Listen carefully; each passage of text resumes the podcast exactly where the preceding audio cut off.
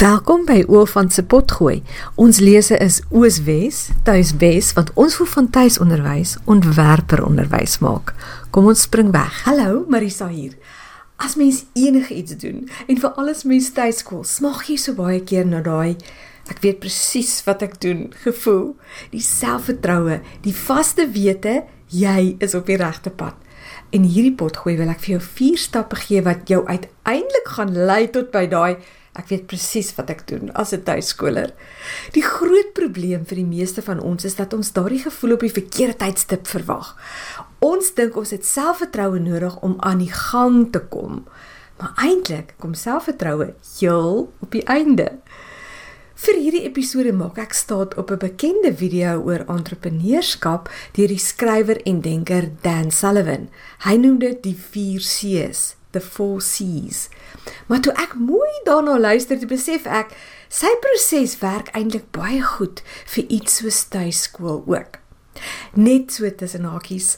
In Engels is dit mooi netjies vier woorde wat met 'n C begin wat die proses uitstippel. In Afrikaans werk dit nou nie presies so uit nie, maar tog was dit vir my baie waardevol om in Afrikaans deur hierdie stappe te dink, want die toeganklikheid van die Afrikaanse woorde, die feit dat ek hulle uitmekaar kon haal, het my baie gehelp om die proses beter te verstaan.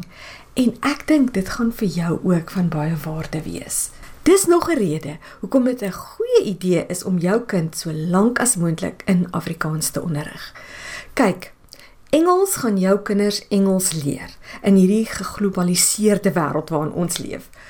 Maar om 'n totaal ander taal met 'n Germaanse woordeskat te hê, gee vir jou kind se brein soveel meer denkmoontlikhede. En jy gaan dit sien soos wat ek saam met jou deur Sullivan se 4 stappe dink. As mens enige nuwe en moeilike ding wil begin, soos om 'n onderneming te begin of om te tuiskool, is die eerste stap volgens Sullivan commitment. Vir my is die beste Afrikaanse woord wat dit beskryf die woord vasbeslote. Kan jy hoor dat besluit deel uitmaak van vasbeslote? So jy neem 'n besluit en jy hou vas aan daardie besluit.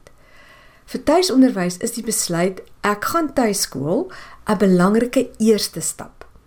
As ons vir 'n oomblik teruggaan na Engels, is die Engelse woord vir besluit decision. Decision kom van die begrip om te sny of om af te sny. So jy sny dus alle ander moontlikhede vir jouself af as jy decide. In Afrikaans laat ons die klem op 'n ander konsep val. Ons sê besluit. Jy sluit dus alle ander moontlikhede af. Is dit nie wonderlik om toegang tot twee tale te hê wat jou in staat stel om baie mooi duidelikheid te kry oor hierdie eerste stap nie? Baie ouers neem die besluit om te tuiskool vanuit 'n negatiewe posisie. Soos dat Sunny op skool geboelie word deur 'n onderwyser of medeleerders of wat Jannie deur sy onderwysers verplig word om medikasie te neem net sodat hy stil genoeg in die klas kan sit of dat die ouers nie daarvan hou dat hulle kinders gebreinspoel word oor iets soos geslagsrolle deur 'n kurrikulum nie. Ek wil jou baie baie aanmoedig om jou vasbeslotenheid om te tuiskool te bou op 'n positiewe besluit. Moet nooit vir jouself of vir ander mense sê nie ons het Sunny uit die skool gehaal omdat sy afgeknou is. Of ons het Jannie begin tuiskool omdat ons moeg was dat hy soos 'n zombie was vanweë die medikasie of ons wil nie ons kinders laat breinspoel deur 'n kurrikulum waarvan ons nie hou nie. Nee stel jou groot besluit altyd op 'n positiewe manier byvoorbeeld Ons het Sunny uit die skool gehaal omdat ons wil hê sy moet gedei. Ons het Jannie begin tuiskool omdat ons wil hê hy moet leer op 'n manier wat sy hele menswees in ag neem. Of ons tuiskool graag ons kinders omdat ons ons eie lewensbeskouing met hulle wil deel. Hoekom lê ek soveel klem daarop dat jy die groot besluit om te tuiskool positief moet stel? Want Die positiewe is 'n beter langtermyn motiveerder. Jy wil nooit van iets weghardloop nie. Jy wil altyd op pad wees na iets toe. Goed. Dis die eerste stap. Wees vasbeslote. Die tweede stap is die moeilikste een. Moeilik want hy voel nie lekker nie.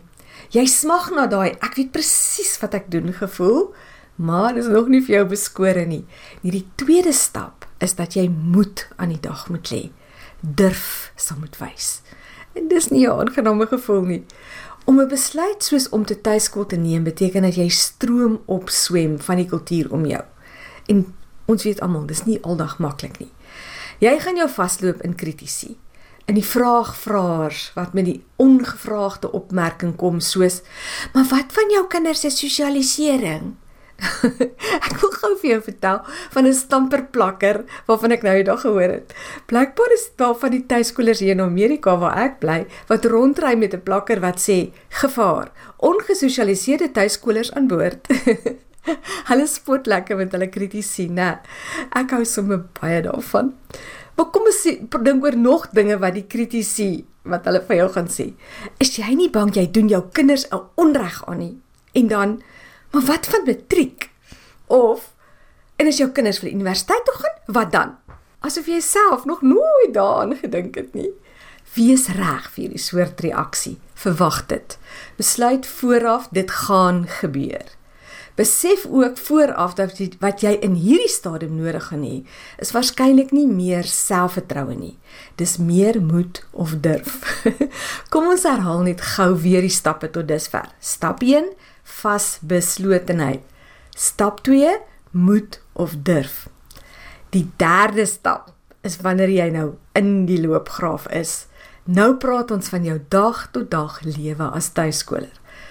Dis nou wanneer jy vir Janie leer lees en jy besef dis die teenoorgestelde van ek weet presies wat ek doen. Dinge is nader aan ek het nie die vaagste benul wat ek doen nie. In Engels het hulle hierdie lekker uitdrukking I don't have a cooking clue what I'm doing. My dogter Anne Maria het as 'n klein dogtertjie haar eie variasie op hierdie uitdrukking gemaak. Sy het nie mooi verstaan wat ons sê nie en dit het 'n soort van 'n gesinsgrappie geword. Sy sê altyd ek het nie 'n koek of 'n clue wat ek doen nie. As jy jou kinders vir die eerste keer moet leer lees of leer wiskunde doen of moet besluit watter hoërskoolroete jy gaan volg, gaan dit elke keer vir jou voel of jy nie 'n koek of 'n clue het wat jy doen nie. maar geleidelik gaan jy uitvind Jy gaan eksperimenteer en dinge probeer. En jy gaan uitvind wat werk die beste vir hele gesin en vir jou kinders. Jy gaan ook uitvind waar om raad en hulpbronne te kry wat werk, wie jy kan vertrou, hoe jy moet vra as jy goeie wenke oor tuisonderwys wil kry. Met ander woorde, jy bou geleidelik vaardighede op. En dis die derde stap, vaardigheid. So ons het nou al 3 stappe om 'n sukses van tuisonderwys te kan maak. Stap 1, daai vasbeslotenheid. Stap 2, die moed of die durf wat jy aan die dag moet lê. En stap 3 is dan die vaardigheid. En nou, uiteindelik, as jy by daardie stap wanneer jy so gesmag het. In stap 4 het jy selfvertroue. Nou kan jy vir jouself begin sê, ek weet presies wat ek doen. Kan jy sien dat selfvertroue aan die einde van die proses kom? Dis nie iets wat jy aan die begin het nie. En kan jy ook sien dat jy eintlik elke keer wat jy deur 'n nuwe groeifase in tuisonderwys gaan, deur al vier hierdie stappe sal moet gaan. Aan die einde van die laerskool het jou kinders die paar dinge verwerf waaroor ek altyd so aangaan. Hulle kan goed lees en skryf, hulle kan optel en aftrek, maal en deel. En hulle verstaan breuke en hulle het 'n lekker vye algemene kennis. En nou lê hoërskool vir hulle voor. En in plaas daarvan dat jy kan sê ek weet presies wat ek doen, moet jy besef jy gaan net eers vasbeslote moet wees en die nuwe besluit so positief as moontlik stel onthou. Jy gaan jou moed bymekaar moet skraap om stroom op van die kultuur te wees. Jy gaan die vaardigheid moet verwerf wat jou in staat stel om suksesvol te wees. En uiteindelik gaan jy 'n sig van verligting kan slaak en sê ek weet presies wat ek doen. Kan jy jou indink hoeveel vaardighede jy in die proses gaan verwerf? Nie net met die opvoedkundige aspekte nie, maar ook met sulke dinge soos beter besluitneming, dat jy jouself meer vertrou om die lewe te kan hanteer en selfs leer en bou aan leer hoe om alternatiewe ondersteuningsstrukture te bou. Een van die beste beleggings wat jy ooit in jou eie persoonsontwikkeling kan maak, is om te besluit om te tuiskool. My seun Johannes sê altyd graag, maar dis alles vreeslik meta ma en hierdie proses is baie meta. Want weet jy wat is die grootste gawe wat jy vir jou kinders kan gee? Meer as die lees en die skryf en die tel en die interessante dinge weet dis dat jy vir hulle modelleer hoe mens deur hierdie vier fases gaan. Hoe selfvertroue iets is wat mens kry nadat jy vasbeslote en toe dapper was en toe vaardighede gekry het. Ek hoop hierdie vier fases help jou baie om moed te hou met tuiskool. En om te sien watter goud en edelgesteentes jy vir jou kinders skenk as jy hulle wys hoe om dit self te doen. Want hierdie lewensvaardigheid wat ons hier oor praat, dis 'n lewensvaardigheid wat met steroïde bygekom is. Ek glo tuiskool moet makliker en lekkerder as skool wees. Maar daarbey voel ek ook sterk dat tuisonderrig beter resultate as skool moet oplewer. Dis hoekom ek Afrikaanse aanlyn kursusse ontwikkel het wat jou as tuiskool moet help om lekkerder en maklik te tuiskool en beter resultate te kry. Gaan na my webwerf olfant.com En dan op die voorblad sal jy links bo in die hoek 'n oortjie sien wat sê e-kursusse. As jy daarop klik, verskyn 'n lys van al die beskikbare kursusse en pakkette wat ek het. En ek praat graag weer volgende keer met jou.